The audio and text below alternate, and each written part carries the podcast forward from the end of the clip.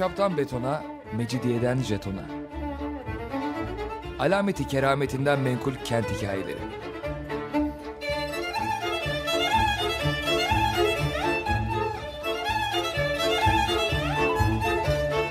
Hazırlayan ve sunan Pınar Erkan.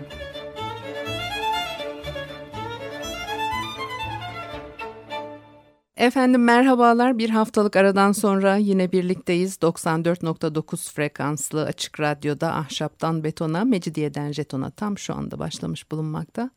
Anlatıcınız ben Pınar Erkan. Elektronik posta adresim pinarerkan.yahoo.co.uk Bakalım bugün programımızda ne var? Bugün size yabancıların gözüyle Osmanlı kadınını anlatmak istiyorum. Osmanlı devrinde İstanbul'a gelip kalanlar seyahatnamelerinde gözlemlerini aktarmışlar. Elbette Osmanlı ülkesinin hatta İstanbul şehrinin kadınlarıyla ilgili de birçok şey öğrenebiliyoruz onlardan. Ee, bugün biraz bunlara göz atalım. Türk kadınını nasıl tanımışlar ve yorumlamışlar, nelere tanık olmuşlar, o zamanlar kadınlar için hayat nasılmış bu topraklarda Tabii sadece yorum değil, e, belki yabancı gezginlerin yazdıklarından derlenen e, bilgileri aktaracağım demek daha doğru olabilir. Ve onların tabii kendi bakış açılarıyla, yabancı gözüyle algılayış biçimlerini e, daha çok görmüş olacağız. Ama şunu da belirteyim ki sadece e, bir takım yasaklar açısından ve e, giyim kuşam üzerinde duracağım. Elimizde çok bilgi var. Bunların hepsini hakkını vererek bir programda anlatıp bitirmek elbette mümkün değil. Her zaman da bunu söylüyorum. Dolayısıyla seçtim. Sonra da kadın haklarının e, bu ülkede ortaya çıkışıyla ilgili birkaç lakırdı edebilirim. Bir de özgürlük peşinde koşan bir Osmanlı kadını olan e, Zeynep Hanım'dan söz edeceğim eğer vakit kalırsa. Özellikle 18. yüzyıldan başlayarak sultanların davetlisi olarak birçok sanatçı, yazar, mimar ve şehir plancısının İstanbul'a geldiğini belirtmiştim daha önce. Osmanlı Devleti'nde e, batılılaşma süreci de bir anlamda böyle başlıyor. İlk önce sürekli elçiler e, bulundurmaya başlıyorlar. Sonra da e, orduda yenilikler yapılsın, noksanlar giderilsin diye uzmanlar getirtiliyor. Yenilikçi sultanlar ayrıca sanatçıları da davet etmişlerdir. Sanatçı ve mimarların yaptığı gravür, resim ve çizimler değerli kaynaklardır. Osmanlı'nın son 200 yılı boyunca yaşamın ve e, kentsel parçaların belgelenmesine yaramışlardır. Batılı sanatçıların yanı sıra birçok gezgin İstanbul'a geliyor. Şehirle ilgili izlenimlerini yazıyorlar. E, seyahatnameler olarak yayınlanmıştır bunlar. Bir rakam da verebilirim.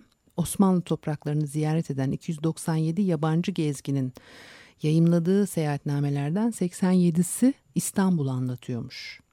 Batılılaşma döneminden önce e, İstanbul'a gelen gezginler de var. Ancak asıl 18. yüzyılda yoğunlaşma söz konusu. Bu kimseler genellikle sultanın daveti üzerine gelmişlerdir. Birçok şeyi gözlemlemişler. Kendilerine değişik gelen ne varsa yazmışlardır.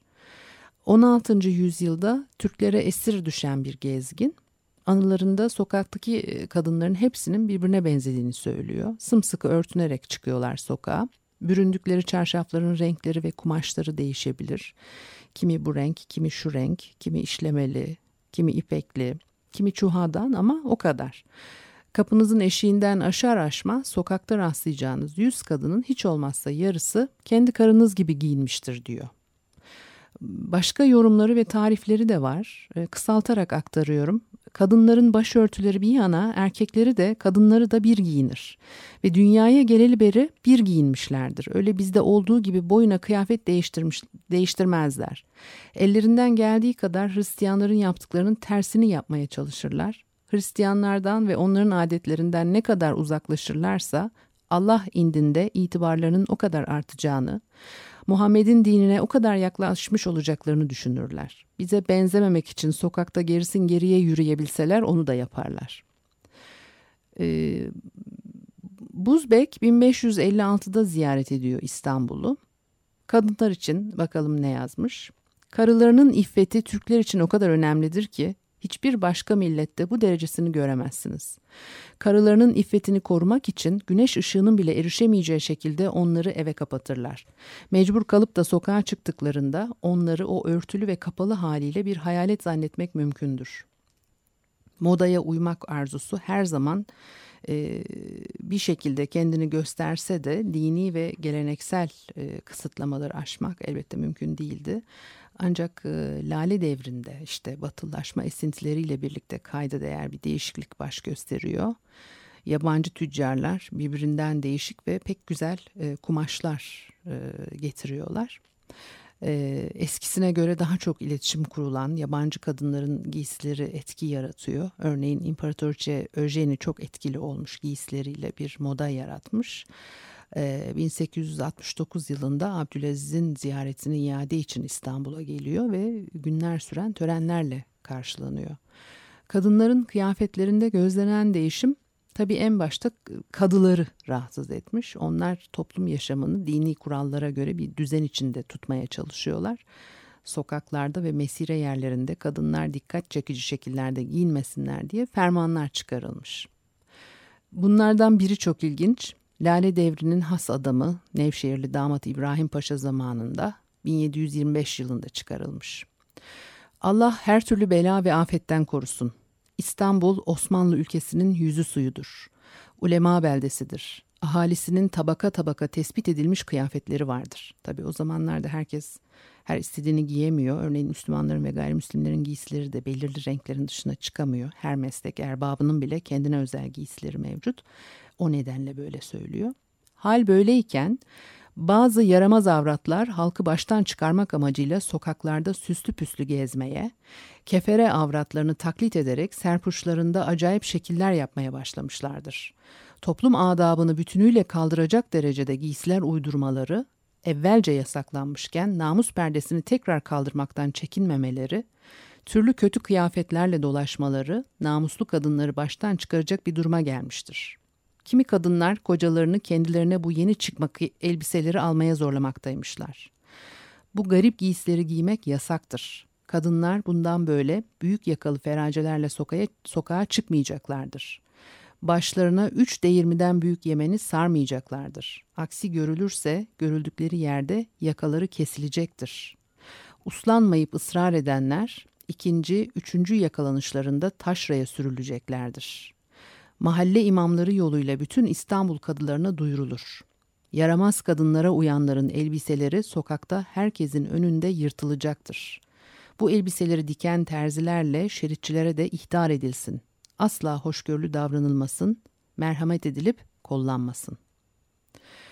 Ferman bu. Ee, sık sık ferman çıkması bu yasaklara uyulmadığını e, göstermektedir. Cezaların nedenli sıkı uygulandığı da meçhul. Dolayısıyla kadınlar inat etmişler. Reşat Ekrem Koçu da şöyle diyor bir çalışmasında. Kadın taifesiyle uğraşmak kolay mıdır?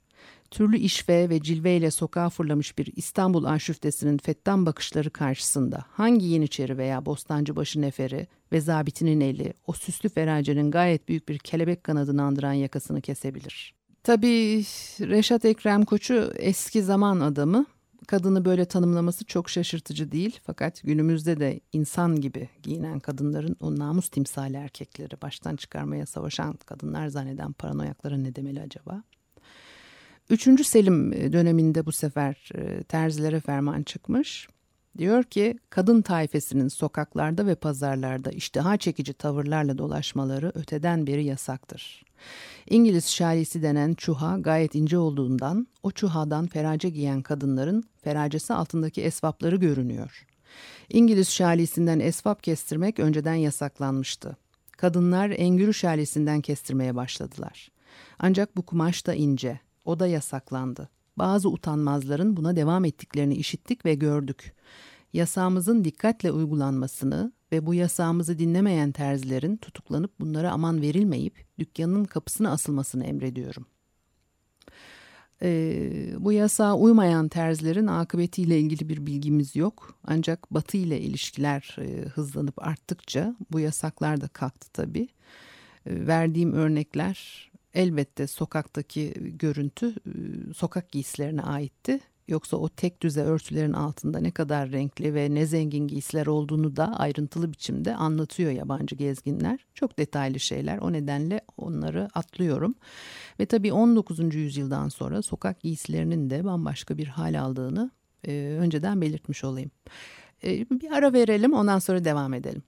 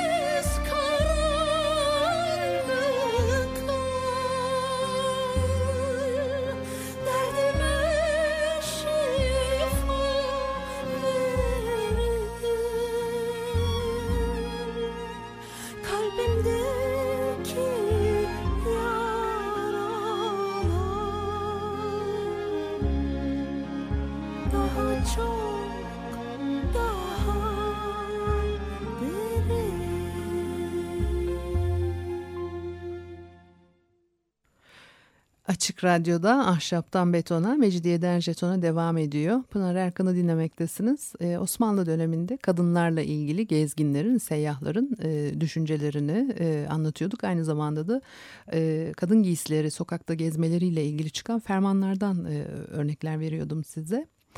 Ee, Osmanlı kadınının gerçek anlamda bir takım haklara sahip olması 19. yüzyılın başlarıdır. Ee, Yeniçeri örgütü ortadan kaldırılır. 1839'da Tanzimat'la birlikte herkesin hak alanında bir genişleme gerçekleşir. Birinci ve ikinci meşrutiyetlerle bu pekişir, yerleşir. Gayrimüslimlerin hakları artar en başta tabii ve bunlarla birlikte e, yurttaşlar arasında eşitlik ilkesine bağlı olarak e, kadınlar ilk defa 1858'de arazi kanunundan e, yararlanmıştır. Buna göre ilk defa kızlar da erkek çocuklar gibi babalarından kalma topraktan pay sahibi olacaklar. E, kadınların eğitimi kadınların eğitime ilk katılımı e, ebelikle başlamış. 1842 yılında Avrupa'dan ebeler getiriliyor. Tıbbiyede açılan kurslara katılıyor hanımlar ve meslek sahibi olma imkanına kavuşuyorlar. Fakat ne kadar uygulanabildi bu o ayrı konu. 1858'de ee, ilk kız rüştiyesi açılmış. Sonra kız öğretmen okulları açılıyor. Böylece kızlar da okula gitmeye başlıyorlar. Geçen yüzyılın sonlarında misyoner okullarının da faaliyetlerini hızlandırdıklarını ve pıtrak gibi her yere yayıldıklarını görüyoruz. Protestan misyonerler özellikle Ermeni kız çocuklarının eğitimini ele almışlardır. Diğer misyoner dernekleri de kız çocuklarına yönelik çok sayıda eğitim kurumu açtılar. Müslüman kız çocuklarının buralara devam etmesi epey geç olmuştur. Ancak 19. yüzyılın yarısından sonra ve özellikle son çeyreğinde eğitimde bir patlama e, gözlemlenmiştir. Sonra e, basındaki gelişmelerin e, etkisi de önemli tabii. Türkiye'nin yayıncılık alanında başta gelen merkezi İstanbul. Eski harfli ilk kadın dergisi çıkalı beri 130 küsur sene geçmiş. Bu süre zarfında da 200'e yakın kadın dergisi çıkmış.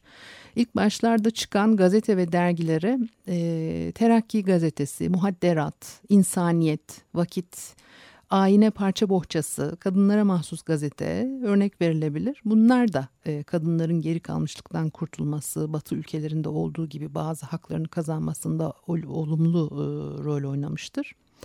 E, kız okullarıyla paralel olarak kadınları ev içinde eğitmeyi amaçlayan yayınlar bunlar. Zaman içerisinde kadın yazarların yetişmesine de yardımcı olmuşlar. Ee, zaten bu saatten sonra da kadın peçesini atmış, evden çıkmış, sokağa çıkıyor, örgütlere giriyor, okula gidiyor. Elbette bunlar daha çok kent yaşamı hatta İstanbul için geçerli. İstanbul dışında her yer taşra zaten o dönemde. Lady Montagu 1717 yılında İngiltere elçisinin eşi olarak İstanbul'a geldi ve 15 ay e, kaldı. İzlenimlerini yazmıştır Lady Montagu. Enteresan bir kişilik. İstanbul'a hayran kalmış, Türkçe öğrenmiş. Türk giysileri giyerek halkın arasına karışmış. Ayasofya'nın içini görebilmek için erkek kılığına girmiş. Gezginlerin çoğu saray yaşamına ve saray ahalisine meraklanıp onları yazarken Lady Montagu sokaktaki insana, halkın yaşamına da e, ilgi duymuş. Ülkesine döndüğünde İstanbul anılarını içeren 52 adet mektubunu yayınlamak istese de zorluk çıkarıyorlar. Ne olsa bir kadındı o da. E, İngilizlerin meşhur yazarı George Eliot 19. yüzyılda yaşamıştır mesela. Asıl adı Marian Evans. E, çok zeki ve son derece donanımlı bir kadın. Ancak eserlerinin basılması ve ciddiye alınması için George Eliot takma adını kullanmıştır. E, o dönemde Lady Montagu'nun mektuplarının basılması için ise 200 sene geçmesi gerekmiş. E, değerli belgelerdir bunlar. Lady Montagu e, Osmanlı kadınlarına büyük bir hayranlık duyuyor. Kadınları son derece uygar ve zarif, aynı zamanda nezaketli ve alçak gönüllü buluyor. Sayfalar dolusu tarif etmiş. E, Türk kadınlarının belki de dünyanın en özgür kadınlar olduğunu düşünüyor. Evlilikte erkeğin rolünün para kazanmak, kadınınkinde bu parayı harcamak ve eğlenmek olarak yazmış. Ee, ona birazdan geleceğim. Önce şu öteki marifetine, çiçek aşısı macerasını özetleyeyim. İstanbul'un batıya aktardığı bir şey çiçek aşısı. Lady Montagu erkek kardeşini 20 yaşında bu hastalığa kaybetmiş. Üstelik kendisinin de yüzü pek güzelken e, bu hastalık nedeniyle delik deşik kalmış, kirpikleri dökülmüş. İstanbul ve çevresindeki köylerde çiçek aşısının uygulanışını inceliyor. E, 1718 yılında küçük oğluna yaptırıyor çiçek aşısını. Londra'ya döndüğünde bu kez kızına yaptırmış tanıkların önünde. Hekimler, politikacılar, din adamları ve kraliyet ailesinin acımasız tepkilerine maruz kalmış. Ee, Tanrı'nın isteklerine karşı koymakla suçlamışlar onu. Sonra 1796'lara gelindiğinde aşı e, yaygın olarak kullanılmaya başlanıyor. E, gelelim Özgür Osmanlı kadınına.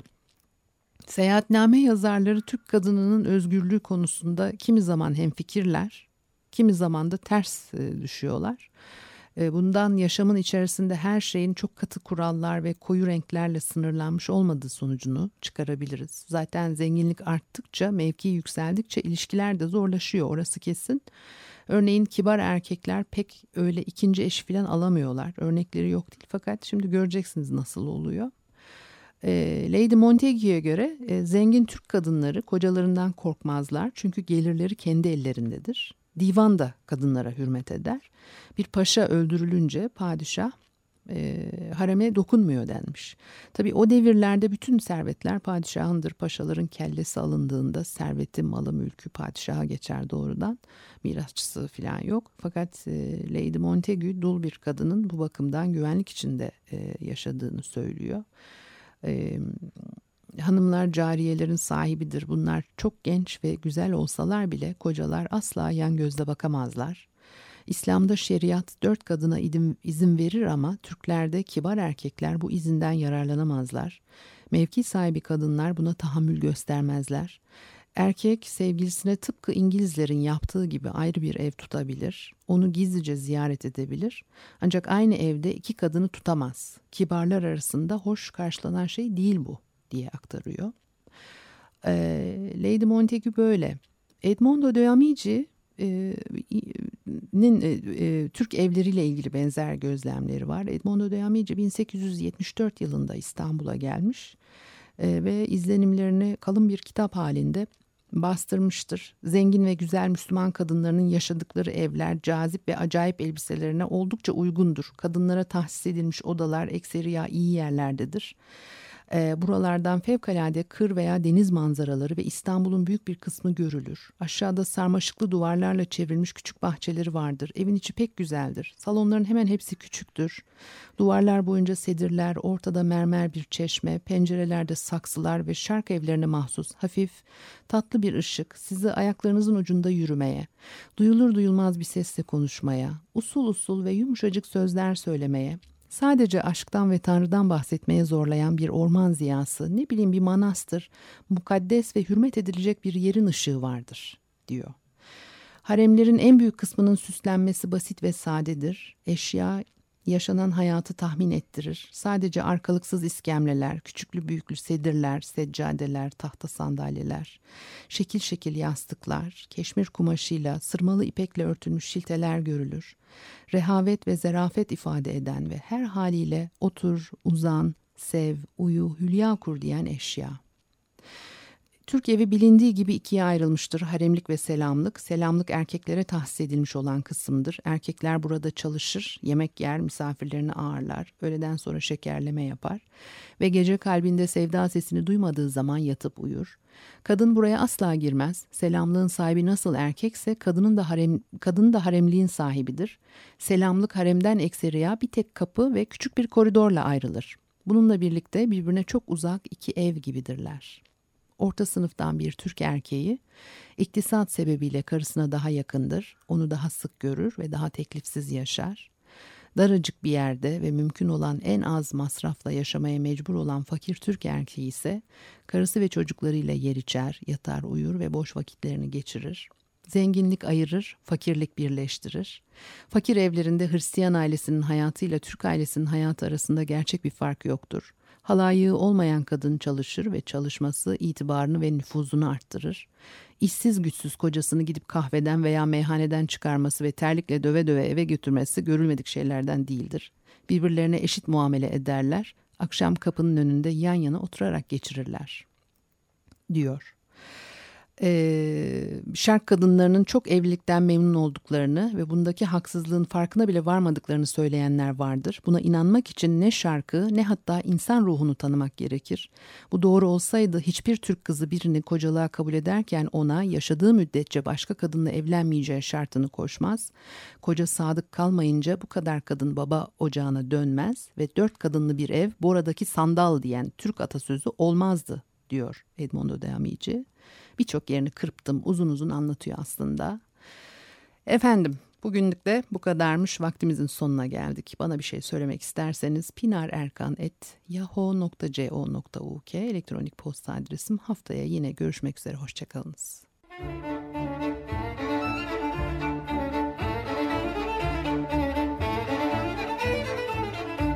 Ahşaptan betona, mecidiyeden jetona. Alameti kerametinden menkul kent hikayeleri.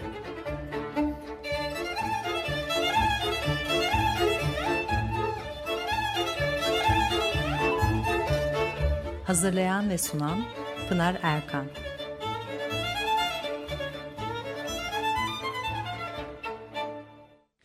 Açık Radyo program destekçisi olun Bir veya daha fazla programa destek olmak için 212 alan koduyla 343 41 41.